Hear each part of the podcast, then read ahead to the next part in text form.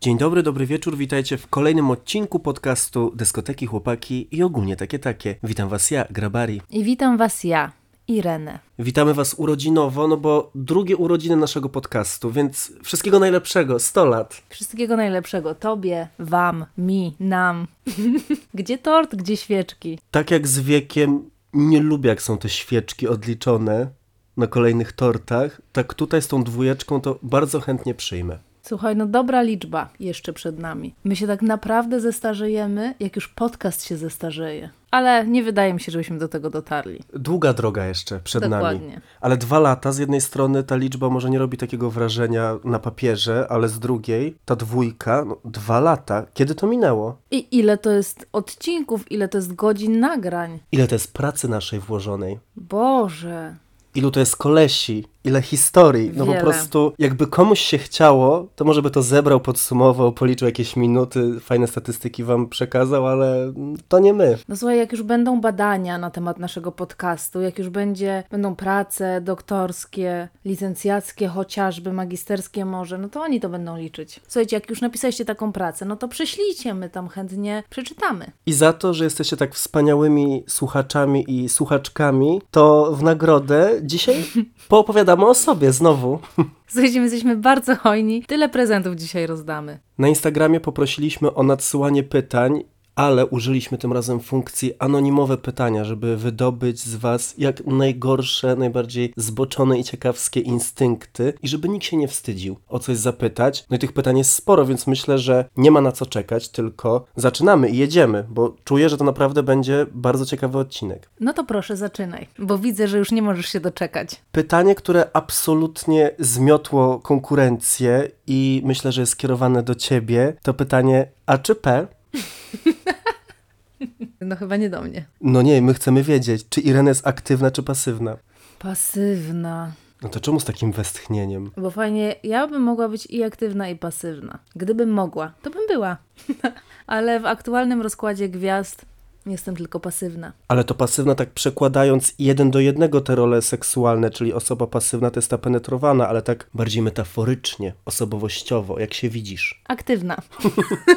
Słuchajcie, no dopóki mogę być aktywna, to jestem. To pytanie to jest już taki klasyk, internetowy nawet, nie tylko gejowski, bo ono się pojawia absolutnie wszędzie. Ilekroć robię Q&A, nieważne czego by ono dotyczyło, to to pytanie po prostu musi paść. No bo lud musi wiedzieć. I to mnie bardzo ciekawi, bo często wydaje mi się, że ludzie chcą wiedzieć, żeby jakoś tak cię włożyć do konkretnej szufladki i potwierdzić, czy nie wiem, na przykład możesz im się podobać, czy mogliby z tobą coś robić, czy nie. M- może wtedy to im burzy jakąś taką fantazję, jak się dowiadują, że ktoś jest, no nie w tej roli, co oni by chcieli. Tak jak chcieliby wiedzieć, jak jedna z osób, które zadała mi pytanie, czy Irena jest choć trochę into girls. Wow, no i co? No to ty pierwsza, bo to ciekawsze. No takie trudne jest to pytanie, bo ja, słuchajcie, jestem tak naprawdę, mnie łatwo namówić do wielu rzeczy. Jak, jakby się ktoś znalazł, kto miałby dużą siłę perswazji, to muszę powiedzieć, że tak. No i czy znalazły się takie osoby? W pewnym sensie parę razy tak, znalazły się. Ale to nigdy nie było jakieś takie działanie z mojej strony, więc nie jestem bardzo into girls.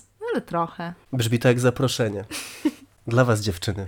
Dobrze, ale wracając do pytania A czy P, no to ja ku zaskoczeniu pewnie ogromnej rzeszy osób, które to pytanie zadały, ja jestem aktywny.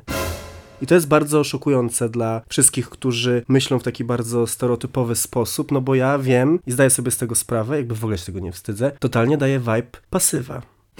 Aż mi się głos załamał, bo to mi, słuchajcie, nie przychodzi przez usta, żeby powiedzieć, że jestem pasywny. Czyli trochę jednak boli. Nie boli posądzenie o bycie pasywnym, ale to prawda, że jakby społeczności gejowskiej myślę, że osoby pasywne mogą narzekać na jakiś taki brak respektu, no bo o nich najczęściej się żartuje i jest jakiś taki, nie wiem, jakaś taka stygma zupełnie niepotrzebna, my jakby tutaj walczymy z każdą, więc jeżeli ktoś uważa, że ja jestem pasywny, no to ja nie będę chodził i dementował tego cały czas, bo to nie ma w tym nic złego, ale no to po prostu nie jest coś, co ja lubię robić i prawda jest taka, że będąc w trzech długich związkach, to były jedyne okazje, te związki, kiedy faktycznie próbowałem być pasywny. Robiłem to głównie dlatego, no bo wiedziałem, że są takie potrzeby też moich partnerów od czasu do czasu, więc stwierdziłem, czemu nie. Ale nie jest to coś, co sprawia mi jakąś niesamowitą przyjemność czy satysfakcję, no i, i wolę być aktywny. Wbrew tym stereotypom, no bo jestem przegięty, lubię, nie wiem, jakieś takie stereotypowe rzeczy, które się przypisuje pasywom. Ktoś mi raz napisał, no po lekturze książki byłem pewien, że jesteś pasywny, bo tam pisałeś, że lubisz duże penisy. Ja sobie mówię, dajcie ludziom lubić penisy, no co jeszcze zabierzecie tym aktywom? To ciekawe, że komuś miałoby się też nie podobać tak naprawdę du- duże penisy. No właśnie, komu by się mogły nie podobać, no to myślę, że pasywom najprędzej, no bo oni Dokładnie. najbardziej by odczuli jakby im większy, tym to może być albo przyjemniejsze, ale też może być bolesne w pewnym momencie, więc no dzi- dziwne są te takie, wiesz, domniemania i budowanie tego obrazu, ale jakby rozumiem, z czego to wynika, ale tak, już jakby wiemy to. To Next. pytanie za nami. Czy Irene i Grabari mają jakieś kinki?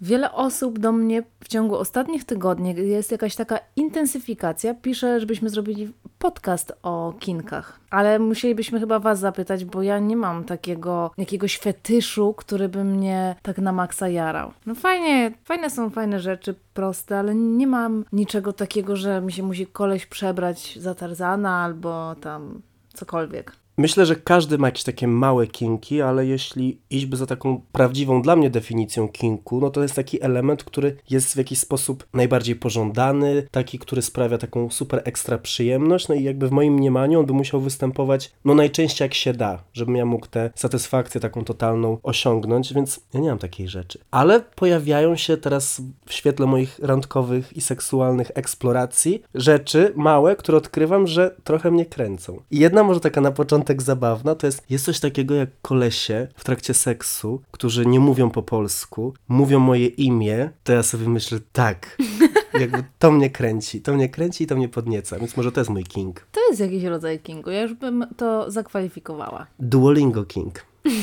Ale jak oni mówią Piotr albo Pedro, no bo to też jest mój pseudonim sceniczny tutaj w Hiszpanii, no to ja już sobie myślę, tak, buenos dias muchachos, jedziemy. Ale wy już i tak jedziecie. A druga rzecz, to okazało się z moim pierwszym fakfriendem tutaj, który mnie nagle poprosił, już po kilku spotkaniach, więc czuliśmy się tak bardzo komfortowo w swoim towarzystwie, żebym go uderzył w twarz. Na co ja oczywiście przystałem, no bo przemoc trochę mnie kręci. No więc tam mu strzeliłem w pysk i było bardzo fajnie, no ale stwierdziłem, że skoro jest taka, wiesz, okazja do tego, żeby eksplorować i próbować nowych rzeczy, no to mówię do niego, słuchaj, no to ty też mnie uderz. No i to było nawet, muszę powiedzieć, przyjemne, ale czy mi to sprawiło jakąś taką super przyjemność, taką podniecającą, to nie wiem. Raczej sama sytuacja i to eksplorowanie i przygoda było fajne. Dla mnie ból jest kręcący. I taki właśnie nie ból związany z penetracją, tylko taki gdzieś indziej, jakiś taki intensyfikujący, jakieś może nie bicie, bo wydaje mi się, że to w ogóle nie jest coś, co by mi się spodobało, ale jakieś takie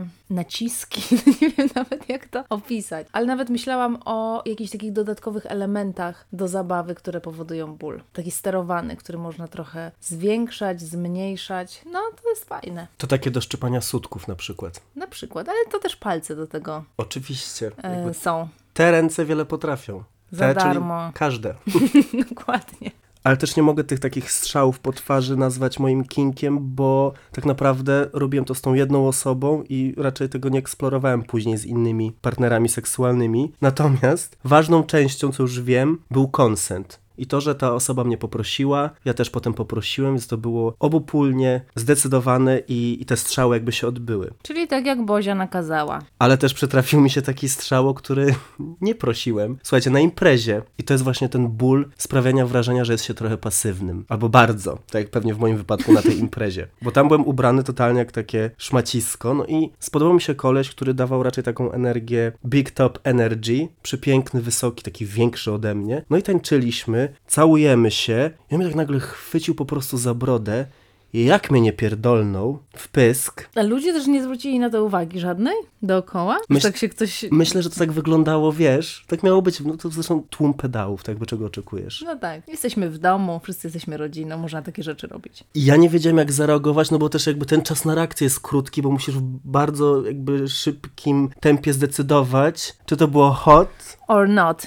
Czy to był po prostu sexual assault. No i ja tak, na początku to mi się tak trochę nie spodobało, no bo naprawdę jakby to tak, nic jakby na to nie wskazywało, że to się wydarzy, no ale potem jak na drugi dzień siedziałem w pracy, taki wiecie, na kacu, znudzony i tak sobie zobaczyłem jakiegoś mema właśnie o biciu się po ryju i tak wspomniałem sobie te chwile, co myślę, jednak może to było chat, więc tak nie, nie jestem w stanie jeszcze zdecydować. Syndrom sztokholmski. Jak już jesteśmy przy kinkach, to zostało nam zadane bezczelne pytanie. Dlaczego podcast stracił na pikanterii? O nie, nie, nie, nie, nie. Ja też dostałem My podobne się pytanie. tak nie będziemy bawić. Zaraz po prostu tam pójdę i komuś strzelę w pysk. I się zrobię pikantnie. No właśnie, wtedy się będzie podobało. Szczęśliwie zaraz za tym, albo nawet przed. Jak to jest, że pomimo tylu godzin jakość podcastu jest wciąż zajebista? Ważne, potrzebne słowa. Ktoś docenił. Ale też prawda jest taka, że faktycznie ostatnio było mniej takich seksualnych tematów, ale to dlatego, że my sobie je tak tasujemy, wybieramy o czym chcemy porozmawiać. Niektóre tematy zostawiamy na później, żeby się do nich przygotować, doświadczyć jakichś rzeczy, żeby potem można było o nich opowiedzieć. Więc na pewno no seks będzie dużą częścią zawsze tutaj tego podcastu. No i no już dzisiaj jest. Pierwsze minuty tego odcinka i zobaczcie. Już pranie po mordach, aktywny czy pasywny, kinki. Kinki. Także jeszcze wiele przed wami i przed nami mam nadzieję również. Ja również mam taką nadzieję. A propos bezczelnych pytań, to ktoś korzystając z tej anonimowości zadał pytanie, które brzmi wszystkich swoich partnerów zdradzałeś? Co mnie strasznie rozbawiło, bo tak zabrzmiało, jakbym stał przed takim sądem i tam ktoś, wiesz, ostatni taki gwóźdź do mojej trumny. Albo jakby ci matka je zadała. Z taką pretensją. Tak, i tak nie tak cię wychowałam. No więc moja odpowiedź na to pytanie oficjalna brzmi nie, nie wszystkich. Co jest też doskonałym przejściem do kolejnego pytania, które często padało. Dlaczego tak naprawdę rozstałem się z moim ostatnim chłopakiem? I ludzie, przewidując już odpowiedzi, pisali, ale nie mów, że jakby to była obopólna decyzja, że nie było żadnej dramy, jakby chcemy znać prawdziwe szczegóły, bo jakby w nic innego nie uwierzę. Nie ma pokojowych rozstań. No i to było zaskakujące, no bo przecież one są. Tak, i to jest właśnie jedno z tych rozstań. I być może to jest takie alarmujące pytanie, dlaczego ludzie w to nie wierzą, ale zaspokajając ciekawość tutaj wielu osób, które to pytanie zadały, no to prawda jest taka, że to ja wyszedłem z inicjatywą, żeby się rozstać, no bo po prostu poczułem, że ten związek dalej w tej formie, w której był, nie ma dla mnie sensu, że ja potrzebuję czegoś innego, czegoś więcej. I oczywiście to nie zdarzyło się z dnia na dzień, bo pojawiło się takie pytanie, dlaczego związek, który wyglądał na idealny, nagle się rozpadł. No to nie jest nigdy tak, że nagle się rozpadł. On się rozpadał, można powiedzieć, od jakiegoś czasu. Były podejmowane próby, jak widać, niewystarczające, żeby go naprawić, czegoś tak zrestartować. To się nie udało. Ja wróciłem z Polski, była długa rozmowa i z mojej inicjatywy odbyła się ta rozmowa, ale jakby mój partner przystał na to, że faktycznie rozstanie jest najlepszą decyzją. No i tyle. Nie było dramy, nie było zdradzania. Też chyba taką odpowiedzią na to pytanie jest właśnie to, jak ono jest zadane. Wyglądał na idealny. No ludzie, no wyglądał to nie znaczy, że był. To może jest właśnie trudno zrozumieć, ale tak jak mówisz, są związki, które de facto kończą się trochę wcześniej, w sensie emocjonalnym, niż jest podjęta decyzja o fizycznym rozstaniu.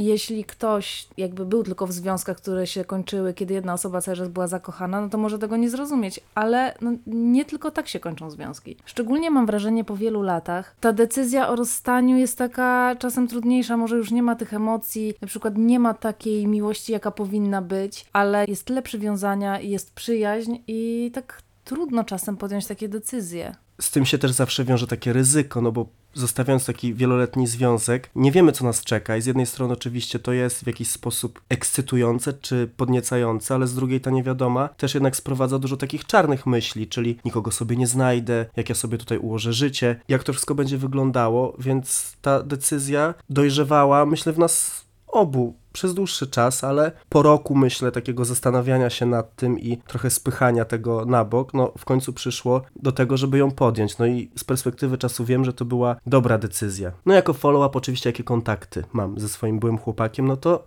bardzo dobre. Słuchajcie, tak jak zresztą z moim poprzednim eksem również. Lepszy niż w, w związku.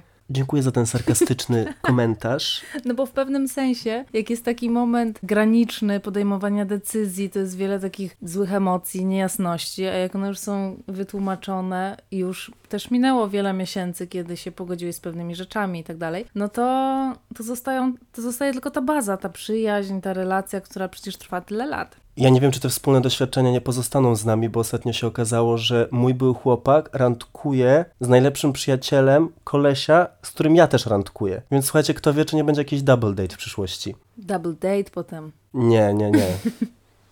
Już jakiś Ja king ogóle, nowy? ja w ogóle myślałam o czymś innym, ale, ale to w jedną stronę. Ja myślałam, że double wedding, a ty, o, a ty o wiesz o czym. Wy wiecie o czym. Jak już jesteśmy przy łączeniu się większej ilości osób, to pytanie, czy byliście kiedyś w trójkącie? Nie razem, tak ogólnie.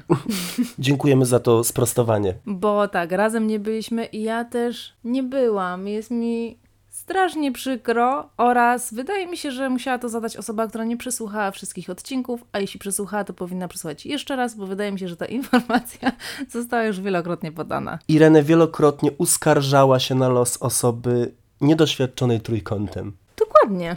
Ja również zresztą w wielu odcinkach tego podcastu o tym mówiłem, ale słuchajcie, na szczęście i tutaj Karty się odwróciły. kolejny tort, tym razem z trójeczką mógłby wjechać. Mam swój pierwszy trójkąt za sobą. No i muszę przyznać, że mimo, że to nie było takie pełne seksualne doświadczenie, już tutaj nie wchodząc w szczegóły, to zrobiło mi to apetytu na więcej. Nie na więcej osób, bo myślę, że trójkąt to jest optymalna konfiguracja dla mnie, ale no zdecydowanie chciałbym jeszcze tutaj się w tej kwestii dowiedzieć, zobaczyć, Rozeznać co i jak. popróbować. Także bardzo, no, mogę powiedzieć już, polecam. I czekam na więcej. W mojej sekcji pytań komuś trójkąt nie wystarczył i pytał o grupowe doświadczenia, więc to poszło jeszcze dalej. Trójkąt to też grupa już chyba. Ale taka mała, taka grupka, można powiedzieć. No tak. No to ja słuchajcie, dalej nie. Ja też nie, natomiast nie wiem, czy ja w ogóle, czy mnie to kręci. Ale nawet na tyle, żeby chociaż spróbować. Ja lubię słuchać opowieści o tym, no bo znam osoby, które lubują się w takich rozrywkach i to jest dla mnie zawsze takie fascynujące. Jakby kto z kim, te połączenia, jak to w ogóle wygląda. Sobie tak to wyobrażam jako takie logistycznie bardzo no, wymagające doświadczenie. No więc może, może dla researchu kiedyś. No pewnie. Przygoda. Zresztą wiesz, no dopóki nie spróbujesz, to nie wiesz, czy ci się podoba. Ja wiem, że mi się podoba, a nie spróbowałam. Seks grupowy bardzo często też łączy się z chemseksem i o chemseks też pytanie padło tutaj. Takie bardzo konkretne, bo jak wygląda chemseks w Barcelonie? No i ja niestety nie wiem. Mówię niestety, no bo nie chcę was tutaj rozczarowywać swoją niewiedzą i brakiem doświadczenia, natomiast no nie miałem tutaj takich doświadczeń. W Polsce też zresztą, oczywiście zdarzało mi się uprawiać seks po przyjmowaniu najrozmaitszych substancji. Czasami kończyło się to jakimiś nawet alergicznymi reakcjami. Żaden powód do chwalenia się, ale tak było. To mnie jakoś też chyba nie kręci. Taki chemseks, który jak rozumiem też w swojej definicji, to jest takie umówione spotkanie, gdzie się spotyka ileś osób, konkretnie na seks po twardych narkotykach. Ja bym przyjęła taką samą definicję. Że to nie jest po prostu bawienie się w klubie pod wpływem różnych substancji i potem pójście do domu jako kontynuacja nocy, tylko raczej taka, taki gwóźdź programu. Bo to mam na koncie, ale takie umawianie się typowo na chemseks, to nie wiem. To też jest ciekawy temat na odcinek, bo to jest coś, co myślę, szczególnie w społeczności gejowskiej jest coraz bardziej popularne.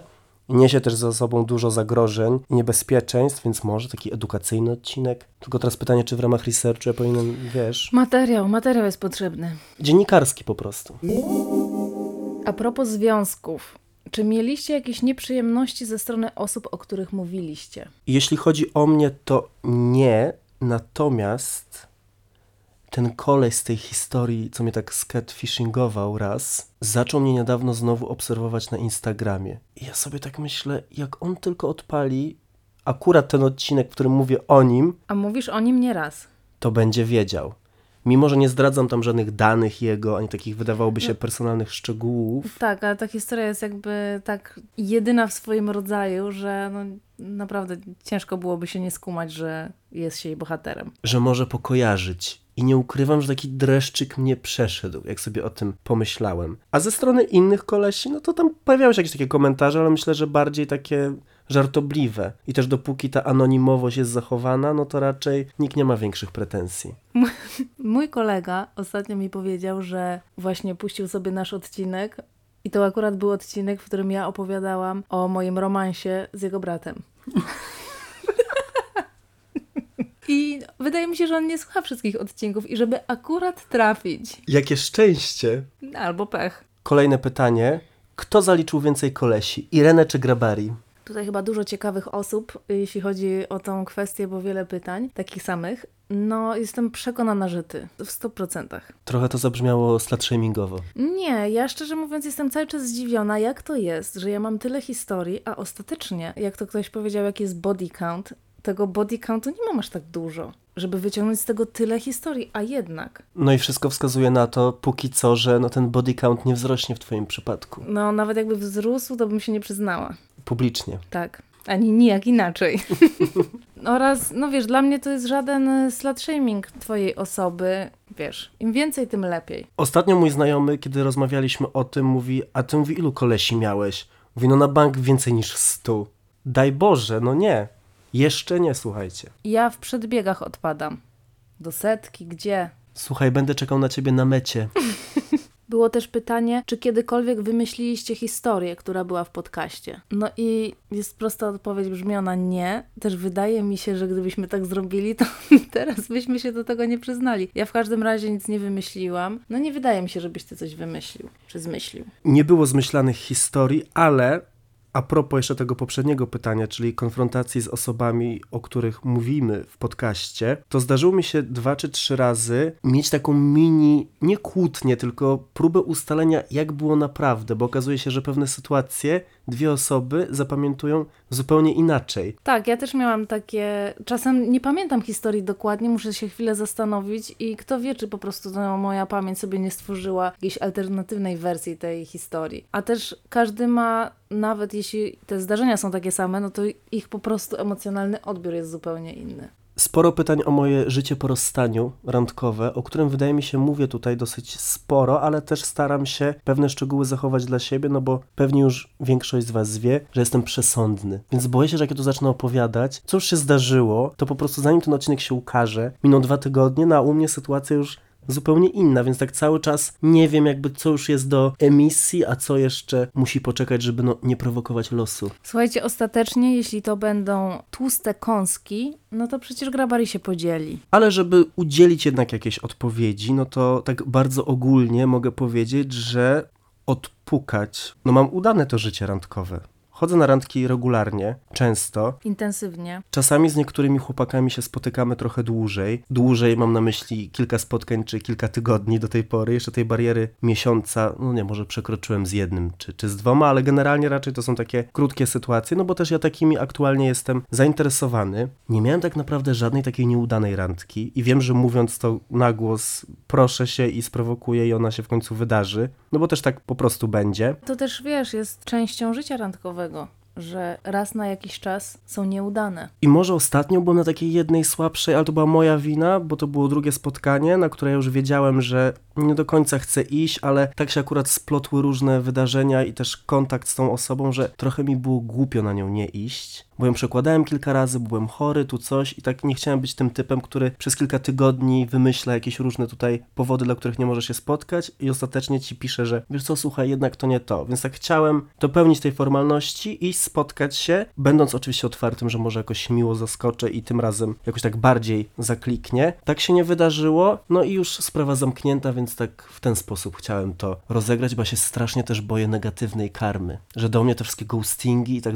wszystko do mnie wróci, więc próbuję tego nie robić. Nie jest łatwo, ale jakoś człowiek no, musi próbować. Bardzo mi się podoba ta motywacja, żeby się zachowywać porządnie. No wi wiadomo, strach przed konsekwencjami. O czym nigdy byście nie opowiedzieli w podcaście? Nigdy kapslokiem. Takie naprawdę nigdy. Takie nigdy, przenigdy. Nawet jak zapłacą. Ja nie mogę za dużo zdradzać rzeczy związanych z moim chłopakiem, no bo aktualnym, bo jeśli chodzi o przeszłych, to nie mam żadnych skrupułów. No ale jeśli chodzi o aktualnego, no to to jest taka trochę bardziej sytuacja grząski grunt, no bo no nie mogę tego robić z szacunku, no bo wiem, że to jest takie naruszanie jego granic, przez co też nie mogę za dużo mówić o takiej rzeczywistości, czy jakichś takich może nie tyle problemach, co takich sytuacjach, co dotyczą mnie i jego. No to jest taki element, który, który mi trudno poruszać, no, którego nie chcę poruszać, a jednocześnie chcę się dzielić pewnymi częściami swojego życia, no i nie powiedziałabym, że nigdy nie mogę o tym tym powiedzieć, ale na pewno muszę jakoś tak manewrować i zastanawiać się, co może ujrzeć światło dzienne. Ja tak myślę, ale ja nie wiem, czy jest taka rzecz, o której bym nie powiedział. Może taka, która dopiero by się wydarzyła i była na tyle wstydliwa dla mnie, żebym się na to nie zdecydował, ale mam właśnie ostatnio dużo też takich refleksji o sobie, czy ja mam jakieś granice wstydu. To zawsze one mi towarzyszą, jak jakiś odcinek nagrywamy. Ja potem tego słucham, montując, mega się śmieję, mnie to bawi. I sobie tak myślę, czy jednak ja to powinienem mówić? Ale no też, czemu nie tak naprawdę? Ja się również czasami pytam siebie, po co tyle peplasz, na co to komu, czemu, czemu ty o tym gadasz? Ale potem myślę sobie o samym początku naszego podcastu i o tym, jak myślałam właśnie o tym, że niemówienie i tabuizowanie pewnych spraw ma tylko i wyłącznie negatywne konsekwencje. I to, że my się mamy wstydzić swojej seksualności i tego, co robimy, kiedy ja wiem i wy to wiecie, że wszyscy w pewnym sensie robią to samo, albo wszystkim się to samo przydarza. I nie ma się czego wstydzić. Mówienie o tym, mam wrażenie, po prostu powoduje, że czy jakaś trauma to za duże słowo, ale wstydliwość i złe wspomnienia trochę maleją. No to teraz jest okazja, żeby znowu powiedzieć za dużo. Pytanie brzmi: najdziwniejsze miejsce, w którym uprawialiście seks? Hydroforownia, jeśli wiesz, co to znaczy.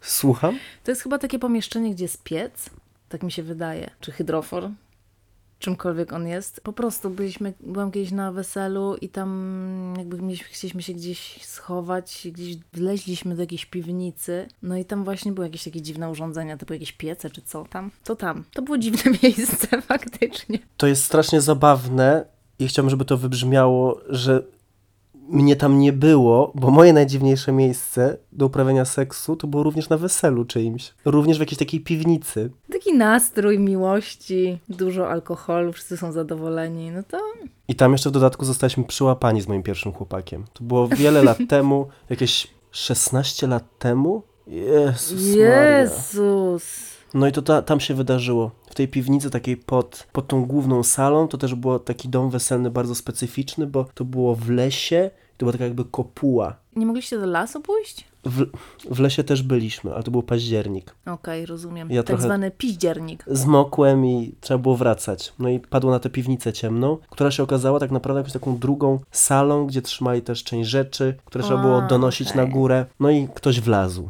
w pewnym momencie.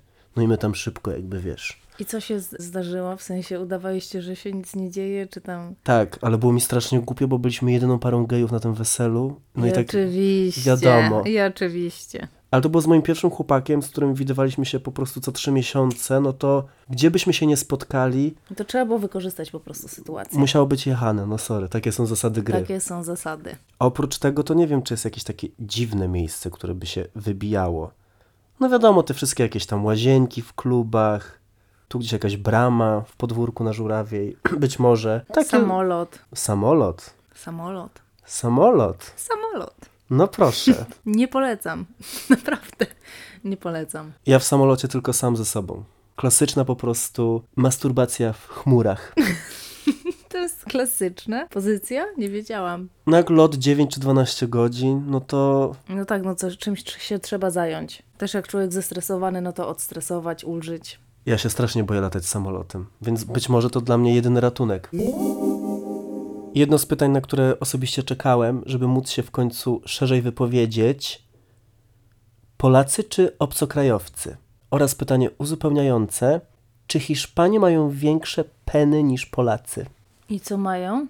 Muszę powiedzieć, że z moich badań na razie wynika, że, że mają, tak.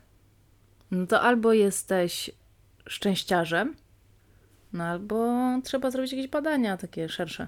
Ja się cieszę. Ja się cieszę i mam nadzieję, że to jest jakaś taka, taka zasada po prostu, która się tutaj wytworzy i ja się jej, ja się jej poddam.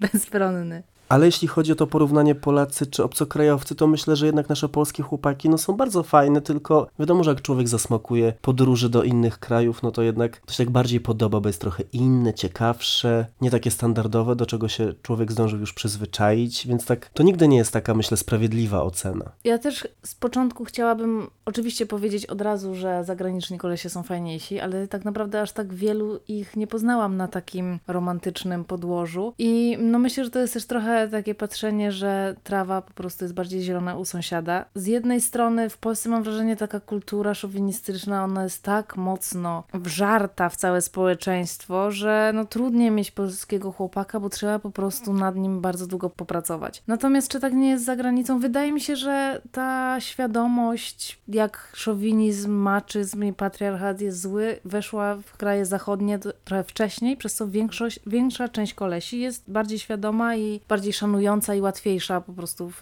funkcjonowaniu. Ale czy tak jest naprawdę? No ciężko mi powiedzieć. To, co ja mogę powiedzieć, to to, że póki co w moim rankingu no, prowadzą Katalończycy. Tutaj jakby chłopy na tej ziemi wychowane. Czyli ty jesteś jednak za niezależnością, separatyzmem Katalonii. Ja się nawet zastanawiałem, czy te ich po prostu nacjonalistyczne zapędy nie sprawiają, że oni jednak są tacy bardziej, mm, tacy wiesz, hardzi. hardzi, tacy zawzięci. Że oni uwolnić Katalonię i ja tak. No tak, bo tam jest jeszcze cały czas ta walka w środku. Uwalniajmy jakby kraj i, i tych chłopów. Natomiast co do innych nacji, no to tutaj jeszcze nie zdecydowałem. Też dopiero zaczynam powoli swoją przygodę z krajami Ameryki Łacińskiej. No i coś czuję, że jednak to może być moja wymarzona destynacja. Bez dwóch zdań. Dzisiaj nawet to powiedziałem w pracy, rozmawiałem z koleżankami i one mnie pytały o randki, raczej ja im opowiadałem nieproszony, bo to jest moje ulubione zajęcie w trakcie pracy, żeby tylko nie pracować. I właśnie pochwaliłem Katalończyków, co je oburzyło, bo ich doświadczenia z Katalończykami są zupełnie inne. I kiedy powiedziałem właśnie, że byłem na randce z Argentyńczykiem i że fajnie i mi się podobało tak samo jak właśnie z tymi Katalończykami, to mówią, no, mówi, w końcu mówisz po prostu jak, wiesz, normalny jak człowiek. jest, to prawda. Ar argentyńskie chłopaki to jest zabawa, to jest, jest wiele fajnych rzeczy. Kolejne pytanie, które bardzo często się przewija i myślę, że kolejny raz do, do Irene. Kiedy OnlyFans? Wiesz co, ja myślę, że niedługo, no. Dojrzewamy do tego powoli. Słuchajcie, no tak, gwiazdą Instagrama nie jestem, pracy swojej aktualnie nie lubię, nie mogę jej zmienić za bardzo, więc no, nie, no to jakby, jakie, co mi zostaje innego? OnlyFans. Ale ja już, ja już jakiś taki, muszę wejść w taką... Niszę. Niszę w średnim wieku powoli. Ale myślę, że to jest super nisza. Milfem. Without the M. Mhm. Bo nawet tym nie jestem, rozumiesz? Nawet milfem nie jestem. Więc słuchajcie, nie wiem, czy ten OnlyFans mi się opłaci tak Ilfem. Ilfem. Irene, I like to fuck. No i patrz, dobre, dobre. Jezu, nie trzeba było na głos, bo teraz ktoś to wiesz. Sprzątnie sprzed nosa. No a ty, przepraszam, jakby ci ktoś może nie od razu OnlyFans, ale na przykład tak poprosił, złożył propozycję, że na przykład film jakiś nakręcisz. Film porno? Tak. Ale na przykład sam ze sobą, za jakiś niedrobne pieniądze. że jakbyś na taką propozycję zareagował. Słuchaj, wszystko kwestią ceny. Ja jednak tutaj Tysiąc dostarczam... euro. No nie. 10 tysięcy. 10 tysięcy euro. No to to już trochę zmienia postać Dobra, rzeczy. Dobra, słuchajcie, 10 tysięcy euro to jest na bank ta, ta kwota. Zrzutka.pl i lecimy. Czyli myślę, że jak ktoś tak naprawdę trochę y, starguje, to nawet... 1500 to tak. to nawet za piątkę się uda. Wydaje mi się, że gdybym miał zrobić coś właśnie takiego związanego albo z rozbieraniem się, czy wręcz skręceniem pornograficznych czy erotycznych treści, to mimo wszystko jednak chyba wolałbym zrobić to OnlyFans. Z tego powodu, że to daje ci taką kontrolę nad tym, co chcesz pokazać, jak chcesz pokazać. I wiem, że to się bardzo kojarzy ludziom z taką estetyką typowo wulgarną, że ktoś wstawia filmik, jak się masturbuje, czy jak uprawia z kimś seks, ale są tacy twórcy, którzy podchodzą do tego bardzo poważnie, w takim sensie, że mają swoją taką wymyśloną estetykę, czy jakiś taki profil i bardzo mocno w to idą i te produkcje, zdjęcia są profesjonalne, przemyślane i to jest ciekawe, to jest taka ciekawa jakość erotyki. Jest taka strona pornograficzna z pornografią dla, dla gejów, chimeros.tv i ona została zrobiona przez takiego blogera gejowskiego, jednego z pierwszych takich najbardziej popularnych blogerów w Stanach, który poruszał tę tematykę na YouTubie i on stworzył takie miejsce, gdzie chce robić taki artistic porn. I wiem, że to brzmi tak mega pretensjonalnie,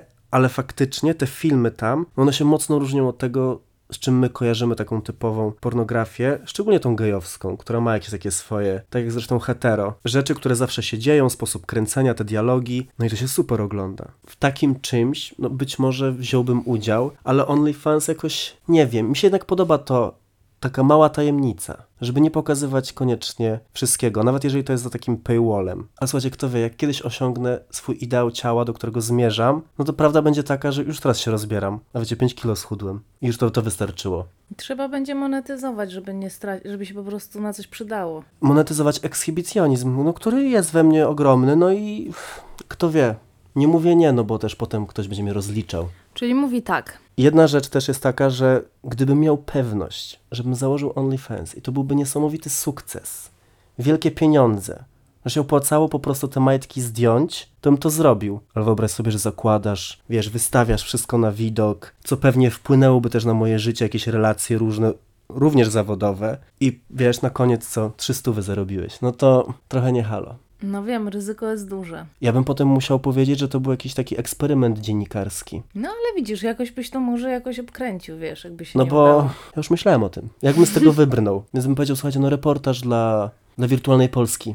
Taka wcieleniówka, no bo takie robi się rzeczy. Dokładnie. No słuchaj, ja myślę go for it. Wcielaj się. Mhm.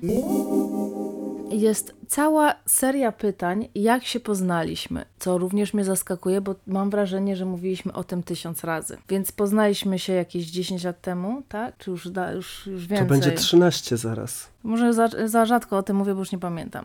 Poznaliśmy się właśnie parę lat temu na imprezie u znajomych. Czy od razu, jak się na siebie zareagowaliśmy? Trochę nijak w pewnym sensie. No tak wiecie, poznaliśmy się na imprezie i po prostu ta relacja się bardziej zacieśniała przez y, znajomych. Dużo czasu spędzaliśmy razem, potem w Warszawie y, więcej. No i najwięcej tutaj w Barcelonie. Pominęłaś ten fragment, mój ulubiony opowieści, jak się poznaliśmy, jak wszedłem na imprezę ze swoim chłopakiem i byliśmy absolutnie najpiękniejszą parą. Proszę go opowiedzieć. A tak było, ale już, nie, już pamięć nie ta. Więc y, ta, mi w ogóle tak zostało to przekazane, że wy jesteście tą najpiękniejszą parą, no bo więc jak weszliście, no to oczywiście byliście tą najpiękniejszą par- parą. Tak było.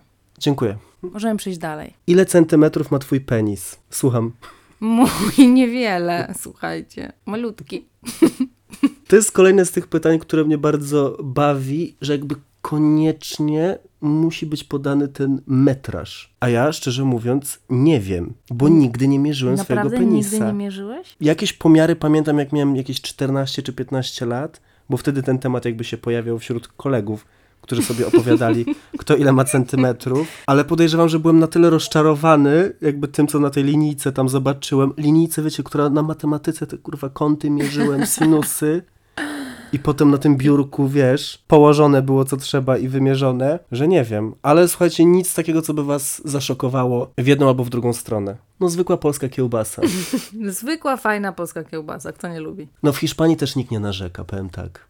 Więc Żeby nie było, bo to jednak też, wiesz, jakieś niedopowiedzenia budują potem jakąś złą prasę. Ale wiesz jak to jest, jak nie podasz centymetrów, to wszyscy pomyślą, że no, bo się wstydzi. No tacy są ludzie, no i nie wierzą ci, że się rozstałeś w zgodzie. I nie, I nie wierzą. wierzą, w- że nigdy nie mierzyłem. Ma być zdjęcie z linijką na OnlyFans, pierwsze. O, to będzie tylko od czego zaczynasz mierzenie. Bo ja już też wiem z doświadczenia swojego, że czasami ci kolesie to sobie mierzą po prostu, wiesz, Tak, tak jak takim, no. od tak samej dupy. pasuje. No. I nagle te 5 centymetrów się pojawia nieoczekiwanie skądś. To może jak sobie tak zmierzę, to wam powiem. I od razu follow up. Jakie mają być te najlepsze penisy? Słuchajcie, no temat rzeka. O Jezu, człowiek się rozmarzył. Przypomina mi się taka kartka, która była w mieszkaniu moich przyjaciół, przyklejona do szafki, z taką pewną mądrą i ważną sentencją, która brzmiała: Penis nie musi być duży. Musi być tylko długi i gruby. No i to, czy to nie jest prawda? To jest prawda. A jakbyś miał wybrać gruby czy długi? Gruby. Gruby. Ja jednak nie przepadam za tymi takimi podłużnymi, małymi, znaczy w sensie małymi, wąskimi, takimi antenkami. To jakoś mnie nie kręci. Tak wizualnie też. A też na, jak się chce mieć grubszego penisa, to można sobie takie nakładki stosować. Nie wiem, czy Słuchaj, wiesz. nigdy o tym nie myślałem, bo, bo nie potrzebuję, to mogę powiedzieć.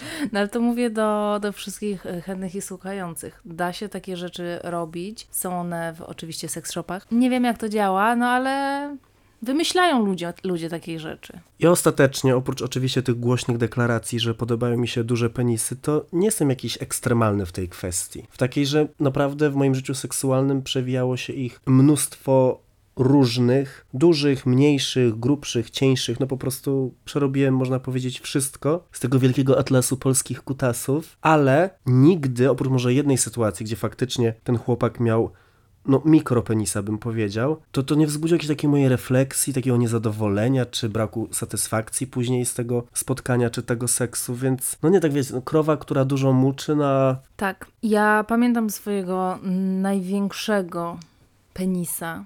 No i no to może być jest przyjemne nawet ten element zaskoczenia, no bo nie wiesz, a nagle się okazuje, że tam po prostu jest jakiś święty gral. No i to oczywiście jest przyjemne, to jest super, to jest po prostu też podniecające sama no, świadomość tego, że to jest taka kiełbasa wielka. Ale czy to jest, czy to był mój najlep najlepszy seks w życiu? No w ogóle nie. I to już y, naprawdę nie zależy od tej wielkości, tylko dużo bardzo od relacji z osobą i po prostu jak tam, jak ta chemia działa między dwójką osób.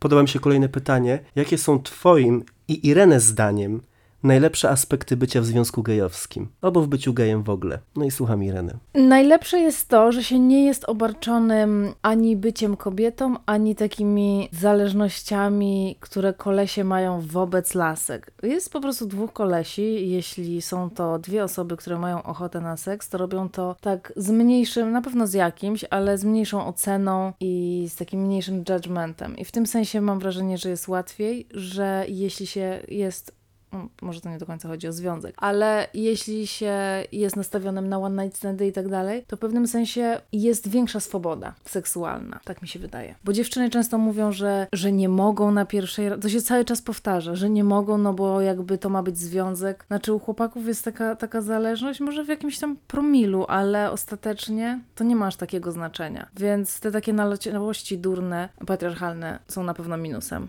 a plusem u Was? Ja bym właśnie powiedział, że dostęp do seksu jest plusem w związkach, relacjach w świecie gejowskim, bo on jest łatwiejszy, no ale ta łatwość wynika z tego, że to nie jest obarczone tymi wszystkimi rzeczami, o których powiedziałaś, więc jeżeli dwóch facetów ma ochotę się spotkać na seks i przed tym seksem wymieniło zaledwie kilka wiadomości na Grindrze czy innej aplikacji, to po prostu to robi. I to nie stoi na absolutnie żadnej przeszkodzie. I ja wiem z relacji swoich koleżanek czy przyjaciółek, że one często ubolewają nad tym. I wysłuchując moich opowieści, ciężko jest im sobie wyobrazić taki scenariusz, w którym w ich wypadku to mogło mogłoby się wydarzyć. I jeszcze dochodzi, jeśli chodzi o związki, mam wrażenie, duża, większa łatwość w dyskutowaniu o innym niż monogamiczny rodzaj relacji. Że nawet jeśli te relacje są monogamiczne, to mam wrażenie, że częściej odbywa się te rozmowy, dlatego że w większej ilości związków gejowskich po prostu są te różne opcje dostępne. A przez to, że u heteryków albo się o tym nie mówi, albo tak naprawdę dotyczy to dużo mniejszego procenta osób, no to sama rozmowa już jest jakimś, może być dealbreakerem. I za tym idą tak naprawdę inne kwestie, bo nie będąc obarczonym tymi wszystkimi schematami, oczekiwaniami społeczeństwa, rodziny, bliskich, możecie sobie projektować swoje życie tak jak chcecie. No bo i tak już w większości wypadków wiemy, że to taka tradycyjna przyszłość, rozumiana w heterosensie, prawdopodobnie nas nie czeka albo nas nawet nie interesuje, bo nigdy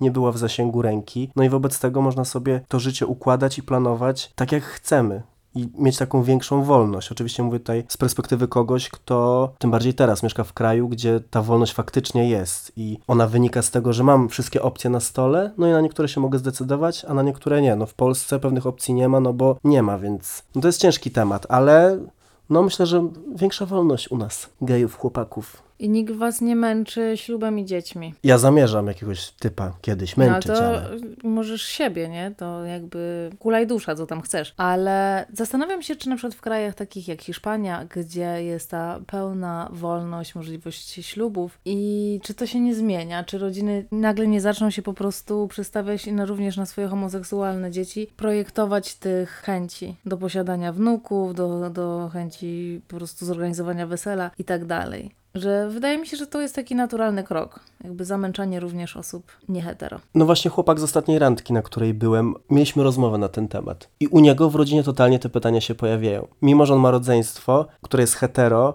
które ma już dzieci i zakładało rodziny, to on i tak jest jakby w kolejce do tych pytań i są jakby tutaj oczekiwane jakieś no, rezultaty tak zwane prawdziwego dorosłego życia, czyli rodzina, dzieci. I on mówi, że to totalnie, mimo że od młodości tak też widział swoją przyszłość, to to mu nie minęło.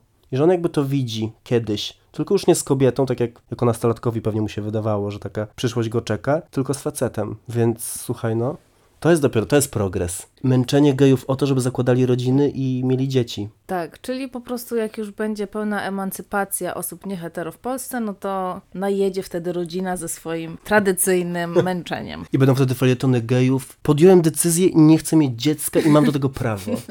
Tak. Kolejne pytanie związane z liczbami.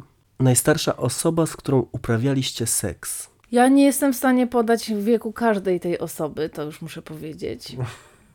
Ale w aktualnie w jakim ja. No nie, to nawet nie wiem, czy to była jakaś czterdziestka. Nie sądzę. A na pewno w momencie aktu na pewno nie. Mnie to pytanie strasznie rozbawiło, bo najstarszy kolej, z którym uprawiałem seks, miał może z 35 lat wtedy. Czyli w zasadzie to jestem już ja za chwilę, będę w tym wieku, no ale wtedy to było 10 lat temu, no to były, wiecie, taki, jak mówiłem znajomym, mówię, a z takim starszym kolesiem. Co z perspektywy czasu, I tak się teraz o tobie mówi. I tak w się- niektórych kręgach. tak pewnie teraz kolesie o mnie mówią. Słuchajcie, spotkałem się z typem taki starszy. No nic, no dopadło mnie, no. Trzeba było się nie śmiać wtedy. I tak by cię dopadło. Ale nie mam nic przeciwko starszym kolesiom, teraz też starszych ode mnie, bo to jakoś w ogóle mi nie robi, ale też mam jakąś taką swoją granicę. Myślę, że bardziej to jest związane z taką wizualną kompatybilnością, że dopóki jakby ta granica jest na tyle niewielka, że jakby razem postawieni wyglądamy, że nie ma tej różnicy takiej bardzo dużej, to jest dla mnie okej. Więc tak jak ostatnio widziałem w klubie takiego kolesia bardzo przystojnego, cały siwy, czyli ja już za pół roku pewnie, tak na oko miał pewnie 40-42 lata może, strzelam oczywiście. I tak sobie pomyślałem, no i z takim, dlaczego miałem z takim kolesiem się nie umówić? No po prostu super. Na Tinderze też mam ustawione widełki do chyba 42. No i swojpuję tych kolesi też starszych, ale jeszcze z żadnym się nie umówiłem, więc... No nie wiem, nie wiem. Może jednak nie jest aż tak dobrze, jakbym chciał sobie myśleć. Słuchaj, na następne Q&A za rok może, może już wiedzie jakaś pięćdziesiątka. Sexy pięćdziesiątka. Sporo też pytań o bezpieczny seks. I były pytania do mnie, czy jestem na prepie, ale też pytania do nas, czy seks z prezerwatywą, czy bez. Seks zawsze z prezerwatywą. Mam na myśli zawsze przed badaniami. W moim przypadku zawsze seks z prezerwatywą, w przypadku takich kontaktów jednorazowych, niezwiązkowych, no bo nie ukrywam, że będąc w związkach najczęściej ten seks był bez prezerwatywy, ale w innych wypadkach, no to dla mnie to jest zbyt duży stres, który psuje mi przyjemność. Miałem oczywiście takie sytuacje, kiedy ten seks był bez prezerwatywy, przed laty jeszcze jak byłem singlem w Warszawie i za każdym razem to mnie wykańczało psychicznie później. To oczekiwanie, te badania, to okienko serologiczne, które w przypadku testów na HIV na przykład musisz e, przeczekać te trzy miesiące, chyba to jest wciąż aktualny termin, to to dla mnie to jest za dużo, to jest niewarte, bo też jako tak zwany użytkownik penisa, dla mnie absolutnie nie ma aż tak dużej różnicy między seksem w prezerwatywie, czy też bez. Oczywiście ona jest w jakiś sposób odczuwalna, no bo jednak masz tę prezerwatywę na sobie, ale nigdy nie byłem w tym teamie, który mówi, Jezu, bez prezerwatywy jest tak dużo lepiej, dużo przyjemniej. Jakoś mnie to kompletnie ominęło po prostu, więc tutaj w ogóle nie jest argument dla mnie w, w dyskusji, w podjęciu decyzji. Ja nie będę ukrywać, że to jest takie bardziej może podniecające ten też same te czynności, że nie musisz tego przerywać, wkładać. Też jakby ta świadomość, że nie ma tej gumki jest super. To jest kwestia zważenia tego, co jest ważne. No i nie ma nic ważniejszego od bezpieczeństwa, bo są takie choroby, z których się po prostu nie da wyjść. No i to nie jest warte. A są sposoby, można się zbadać i jak się zbadacie z partnerem, no to hulaj dusza. To chyba mój kolejny king unlocked, bo ja na przykład lubię ten moment zakładania prezerwatywy i najbardziej lubię, jak mi zakładają drugi chłopak, facet, z którym mam uprawiać seks. I ten widok, jak go wiesz, rozpakowuje, niektórzy to robią tak bardziej fantazyjnie, filmowo, tam coś, wiesz, tymi zębami to otwierają, co oczywiście nie jest może super bezpieczne, jakby gdzieś tam im się ten ząbek omsknął, ale to, to jest, to mnie kręci chyba, tak w sensie w ogóle mi to nie psuje tego całego klimatu, ale kumam o co chodzi, no bo też może być takie bardziej niezdarne zakładanie, coś, tu trzeba przerwać, to Jakaś przerwa, a nie taki filmowy ruch. No ale to jest pewnie znowu popkultura, która, no, w której prezerwatywy nie istnieją przecież. A jeśli chodzi o prep, to nie jestem na prepie, dlatego że zawsze uprawiam seks w prezerwatywie, więc dla mnie to jest absolutnie bezcelowe na ten moment. Jedyny powód, dla którego myślałbym o tym, żeby zapisać się na PrEP, który jest tutaj dostępny, jest za darmo, więc nie ma z tym absolutnie problemu, to to, że w kulturze gejowskiej on jest niejako trochę wymagany. Więc gdybym umawiał się tylko na seks, na przykład przez Grindra, czego jeszcze tutaj w Hiszpanii nie robiłem, to wiele osób nie chce się umawiać z kolesiami, którzy nie są na prepie. Po prostu. Oczywiście w domyśle po to, żeby uprawiać ten seks z nimi bez prezerwatyw, dlatego tego prepu wymagają. No ale tak jak mówię, to mnie w ogóle nie kręci i tego bym nie zrobił, więc, więc nie. Ale czasami się zastanawiam, czy jak mnie wiesz, najdzie, że będę dyskryminowany po prostu w środowisku przez to, no to może się na to zdecyduję. Też PrEP jest oczywiście super rzeczą, jak się uprawia dużo jednorazowych seksów. Natomiast on dalej nie powinien wykluczać gumki, dlatego że jest wiele innych chorób, którymi można się zarazić. Zdecydowanie. No ale oczywiście dla osób, które lubią uprawiać seks bez prezerwatywy i jakby to ich najbardziej kręci, no to tutaj PrEP jest jedynym możliwym wyjściem. No i też dobre jest to, że zazwyczaj ludzie, którzy są na PrEPie, regularnie się badają, mają to swoje zdrowie, myślę, pod większą kontrolą niż teoretycznie innej sytuacji, no ale to nie zmienia faktu, że jednak coś tam może się przypałętać, brzydko mówiąc, no ale wtedy szczęśliwie szybko wykryte, więc, więc tak, no to ja nie. Chociaż też słyszałem, że tutaj są bardzo długie kolejki tego prepu. Tylu jest gejów w Barcelonie, że trzeba poczekać na kilka miesięcy czasami na ten taki nierefundowany, w sensie refundowany, ale że ty nic za to nie płacisz. Więc, no to ostatecznie dla mnie to jest chyba dobra wiadomość, że ludzie o tym myślą. Się, możesz się zapisać, jak masz czekać parę miesięcy, a nasz widelec przez, w ciągu następnych paru miesięcy sytuacja się zmieni. Never know. Czy Grabari specjalnie stylizuje się na Doctor Strange?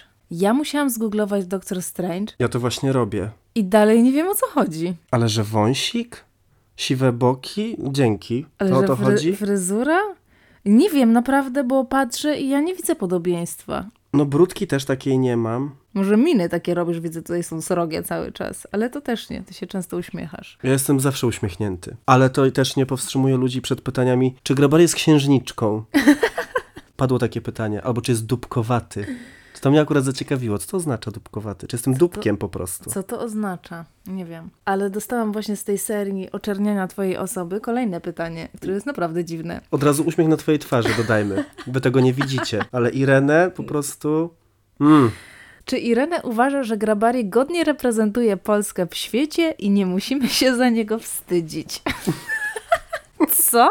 O co chodzi? Słuchajcie, w świecie gejowskim na pewno. Właśnie zastanawiałam się, czy chodzi o świat gejowski i myślę, tak jak najbardziej. Czy w ogóle, Czy świat wiesz, jako świat? No to tutaj już odpowiedź jakby różnie. może być inna. No i też, czy zdawałeś sobie sprawę z tego, że no, jesteś reprezentantem Polski, to jest odpowiedzialne no, tutaj bierzmo. Ja się zawsze czuję reprezentantem Polski oraz reprezentantem gejów. No to, to świetnie i uważam, że tak, bardzo ładnie się spisuje. Dziękuję, dziękuję. Robię co mogę. A propos, jak mi jacyś moi kochankowie mówią, że nigdy nie mieli do czynienia z Polakiem, to ja sobie tak myślę, no to trzeba się jakby postarać, No żeby tak, ci kolejni, żeby on zawsze mówił, a tak, spotkałem się kiedyś z takim Polakiem, po prostu noc mojego życia. dokładnie. Także chłopaki, ja to robię dla was też, dla na Mhm. naszej dobrej reputacji. Ale wróćmy do tego pytania, czy jestem księżniczką, bo to dotyczyło tego, że ta osoba chciałaby mnie zaprosić na randkę, ale boi się, że jestem za dużą księżniczką. No i... Czyli żebyś chciał za, na za drogą kolację iść? To znaczy tak, zabieranie mnie na jedzenie z takim planem, żeby zapłacić,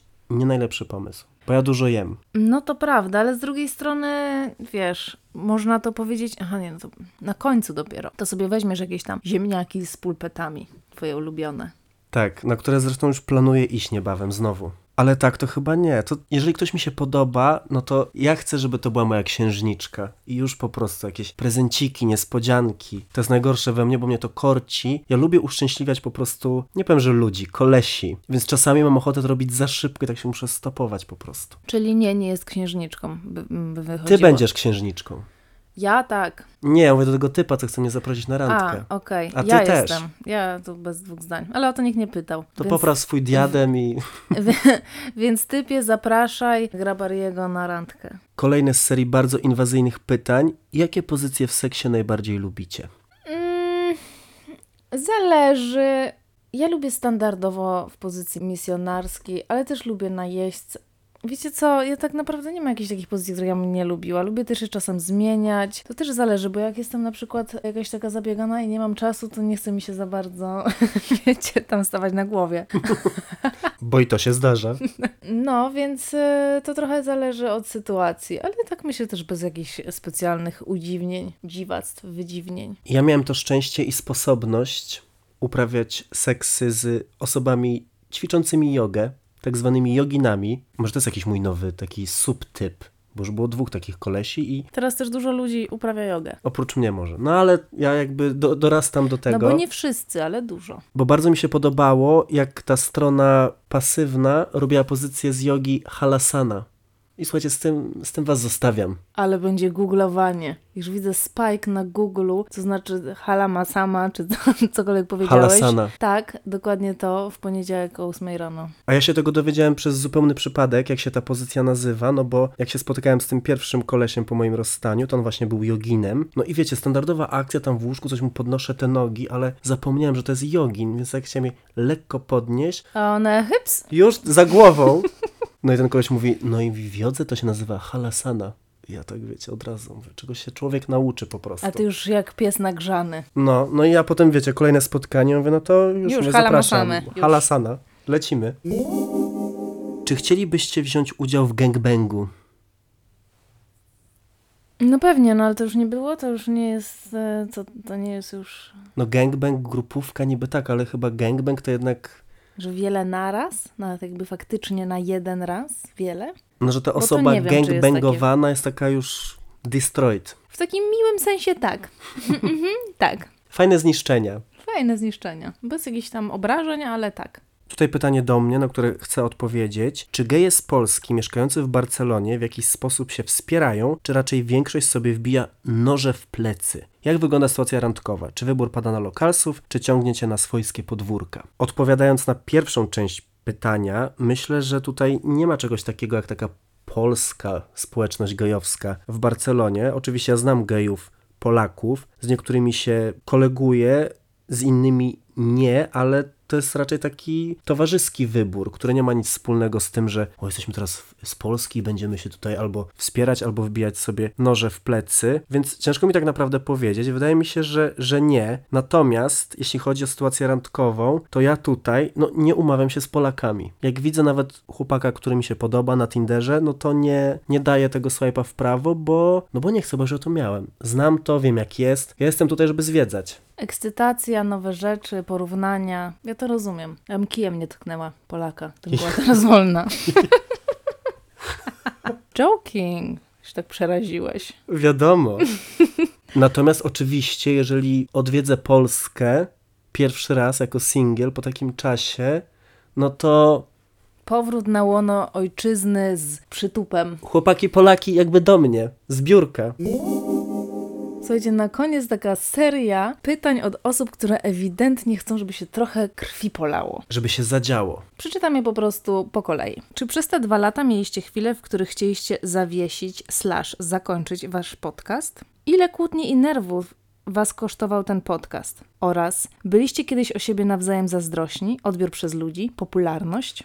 Jezus Maria, już, już żebyśmy się za łby chwycili. No to słuchajcie, tak, tak było. Były, mieliśmy ciche dni, miesiące. To też było związane z książką i że spędzaliśmy ze sobą za dużo czasu i to był też taki nerwowy okres, więc bardzo tak na siebie chyba go odreagowaliśmy. Ale nie miesiące w takim sensie, że przez miesiąc się nie odzywaliśmy ze sobą chyba. No nie, bo my się, mam wrażenie, że w takim naj, najcięższym okresie my się cały czas widzieliśmy i tak, że przez to było tak jakoś trudniej, no bo widywaliśmy się non-stop, dużo rzeczy, ale tak, no, te nerwy mam wrażenie to najwięcej miały na to wpływu. Na pewno książka tutaj była takim momentem, gdzie takich stresujących sytuacji i kłótni, powiedzmy, było najwięcej, ale ktoś mi też wysłał pytanie, czy kiedykolwiek pokłóciliście się o pieniądze? Tego zabrakło jeszcze w Twoim zestawie, ale wydaje mi się, że wszystkie kłótnie, które są między nami, biorą się z dążenia do jednego, co jest jeszcze ważniejsze niż pieniądze, czyli o władzę. No bo o to się ludzie kłócą, po prostu. Tak, może o władzę i jakieś takie. No, też jesteśmy dwoma różnymi osobami, więc mamy dwie różne wizje, a musimy mieć ostatecznie jeden produkt. który jest odcinkiem podcastu. No i to w pewnym momencie było naprawdę burzliwym problemem. Dyskusje, argumenty, kłótnie na WhatsAppie i takie tam. Groźne wiadomości. Ale czy był taki moment, że myśleliśmy o tym, żeby zakończyć podcast? No ty wiele razy mówiłeś, że zakończasz podcast, chciałam ci przypomnieć w zeszłym roku. W sensie taki termin ważności był ustawiany, tak? Że tam do jesieni, do lata. Bo ja nie miałam nigdy takiego terminu, dlatego że to trochę tak jak na przykład było z książką, to była taka niespodziewana oferta. Jakby wiedziałam, no albo po prostu wszystko gdzieś tam siądzie, ludzie przestaną nas słuchać i nie będzie to miało sensu dla nas żadnego, no albo tak nie będzie i takie wróżenie z było dla mnie trochę no takie bez sensu, nie? No bo nie skończymy podcastu, kiedy on na przykład będzie rósł w siłę, a z drugiej strony nie będziemy go ciągnąć, jeśli przestaniemy mieć o czym gadać. Tak, no więc te moje przewidywania, że to się zakończy, to bardziej bazowały na tym. Co jest takie zabawne, bo mi się to od początku tak wydaje. A mi się właśnie tak w ogóle nie wydawało. Że te tematy bo... się zaraz mhm. skończą, że nie będzie o czym gadać. To mniej więcej był taki okres, że tak co dwa, trzy tygodnie weź, no już i tak nie mamy o czym rozmawiać. A jakoś, no zawsze. Coś tutaj po Coś prostu rzeźbimy, pogadamy. już ponad 100 odcinków. No już jedziemy ponad godzinę na oparach. Ale przepraszam, jeszcze tutaj było jedno pytanie, które myślę, że chciałabym odpowiedzieć, a gdzieś mi umknęło. Czyli czy twój partner słucha podcastu albo wie, jakie tematy poruszacie, nie jest zazdrosny albo coś? No on wybrał taką bezpieczną drogę niesłuchania, więc y, może dzięki temu nie jest zazdrosny. Podobne pytania były u mnie dotyczące partnerów, rodziny, reakcji osób takich bliskich na to, co tutaj wygadujemy. I w moim przypadku wszyscy wiedzą oczywiście doskonale, że taki podcast istnieje, wiedzą jakie tematy są poruszane. Moi rodzice, rodzina obserwują mnie na Facebooku, na Instagramie, więc choćby po tytułach mogą się domyśleć, co się znajduje w środku. Mam nadzieję, że nie słuchają. Jeżeli słuchają, to o tym nie wiem, bo ani razu nie usłyszałem żadnej jakiejś reakcji, komentarza czy oburzenia tym bardziej, więc nie wiem tak naprawdę, co oni o tym sądzą. Też nigdy nie zapytałem o to. Moja rodzina ma zakaz, ale mam wrażenie, że omija ten zakaz i, im, nie, i mi tego nie mówi, ale no to jest ich decyzja. Są dorośli, jak już słuchają, to muszą wziąć tą odpowiedzialność na siebie. Nikt mnie nigdy nie obarczył, nigdy nikt ani ze znajomych, ani z rodziny nie skonfrontował z tym podcastem, ani co tutaj opowiadam, ani z książką. Wracając do tego, że niektórzy członkowie, a raczej członkinie twojej rodziny słuchają wbrew zaleceniom, Pozdrawiam mamo Irenę. Czekam na Raffaello. Potem będziemy wiedzieć, czy słucha. No nie, nie będziemy, bo to jest właśnie taki insight. Moja mama zawsze, zawsze zostawia mi Raffaello i to ona i tak to zrobi. Rozumiesz? Ale jak usłyszę, że ja ją. A, to prawda, to prawda. Ja, ja kocham mamę Irenę, jeżeli mogę tutaj takie osobiste wyznanie e, powiedzieć. I, I, teraz będę musiała jej powiedzieć, żeby to przesłuchała, a ten odcinek akurat jest naszpikowany takimi treściami raczej do ocenzurowania. Wspaniała kobieta, zawsze Raffaello i raz powiedziała, że wyglądam jak Johnny Depp, czy kto? Pamiętasz, była taka sytuacja. Że ja, ja... A tak, jak Johnny Depp. No to słuchajcie, no to tak, moja mama jest wielką fanką Twojej urody. Była bardzo niezadowolona, jak przefarbowałeś włosy na blond. I już na sam koniec takie pytanie można powiedzieć na podsumowanie było kilka takich pytań, więc pozwolę sobie tutaj tak jakby je zebrać w jedno. Czy odkąd prowadzimy podcast i tak intensywnie rozmawiamy o swoim życiu, wspomnieniach, o tym, co się dzieje uczuciowo, seksualnie i nie tylko, to czy zauważyliśmy jakąś taką zmianę w nas? Czy nagrywanie tego podcastu wpływa na to, jak my żyjemy i na nasze relacje? I to jest, uważam, super ciekawe pytanie. Tak, mi daje większą świadomość tego, co mówię albo co radzę, a czego sama nie wprowadzam w życie. I no mam nadzieję, że oczywiście, wiecie jak jest, no droga życie to droga, więc e, Kręta. jakoś staram się implementować te wszystkie rzeczy, ale kiedy je wypowiadam, to mam wrażenie, że częściej widzę co się dzieje w moim życiu, czy w moich relacjach, czy z chłopakiem, czy ze znajomymi. Więc na pewno taką samoświadomość większą. No i też wiem dużo więcej o Twoim życiu. Przez myślę, że takie pierwsze pół roku nagrywania, ja dopiero wtedy jakby tak stworzyłam. E, Poskładałaś. Tak, układankę, że skumałam o co chodzi. Portret psychologiczny. No i osoba niezrównoważona.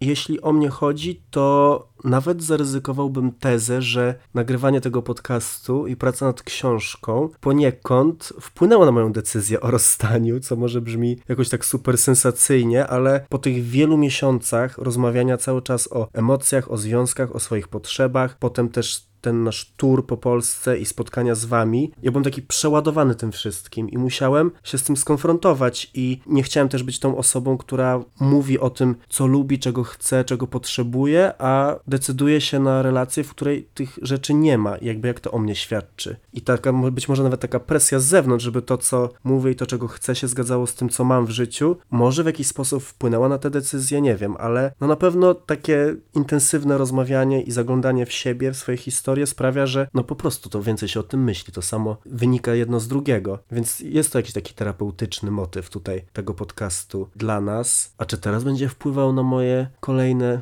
relacje? Będzie motywował do kolejnych przygód, żeby było o czym gadać. Żebyś się znowu nie bał, że nie mamy o czym rozmawiać. Tak, dokładnie, to pod tym względem na pewno. Ale tak jak już mówiłem w jednym z poprzednich odcinków, jest coś takiego, że staram się te pewne rzeczy, które my tutaj tłuczemy, które ty mówisz szczególnie, poprawiać i żeby nie, nie popełniać niektórych błędów, nie robić czegoś, no ale ludzka natura wiadomo jaka jest. No po prostu no, nie da się, samo postanowienie o nie robieniu tych samych błędów, nie popełnianiu, nie świadczy o tym, że ich nie będziesz popełniać, no ale kiedyś może, tylko to długo trwa. A propos, jak ten odcinek się ukaże, to dosłownie już za chwilę, już za momencik, jeden z moich randkowiczów, do którego miałem napisać, do którego miałem nie napisać, co było mi zabronione, ma zaraz urodziny, więc mój plan, ciekawe czy się ziści, że ja napiszę, coś się wydarzy, jakby. Rzućmy to jakby wszechświat. Okej. Ty jak zwykle zadowolona, no bo ja robię inaczej, ale no już taka jestem. No dobrze, już tak naprawdę bardzo długo wytrzymałeś. To jest, nawet masz moje przyzwolenie na to. Godne podziwu. Godne podziwu jest również to, że wytrzymaliście ten odcinek z nami, bo on się zapowiada, no chyba na najdłuższy w historii tego podcastu. A i tak nie odpowiedzieliśmy na wszystkie pytania. No bo to było po prostu niemożliwe, ale może zrobimy drugą część już, wiesz, nawet za tydzień. Tak, bo były też oczywiście pytania o porady, no ale słuchajcie, nie dało się wszystkiego zmieścić w jeden odcinek. Ja muszę powiedzieć, że też było dużo wiadomości i podziękowań za naszą, naszą pracę przez te ostatnie dwa lata i to są oczywiście bardzo miłe wiadomości i za nie wszystkie dziękujemy. Dziękujemy, że jesteście z nami. No te dwa lata dzięki wam też tak minęły po prostu jak gdyby nigdy nic. My cały czas ci sami, młodzi, pełni werwy, chęci opowiadania o sobie, radzenia, więc no zostańcie z nami na, no, na, na, kolejne, nie wiem, rok, dwa, jak, jak, jak nam się te tematy nie skończą. Bo to jednak ten lęk wciąż żywy. Zawsze możemy zapytać naszych słuchaczy o pomoc, o ich doświadczenia. Wszyscy się zawsze chcą bardzo chętnie dzielić. Więc czymkolwiek chcecie się podzielić po tym odcinku, no to czekamy oczywiście na was na naszych Instagramach. grabari.pl I kobieta na skraju. Do usłyszenia.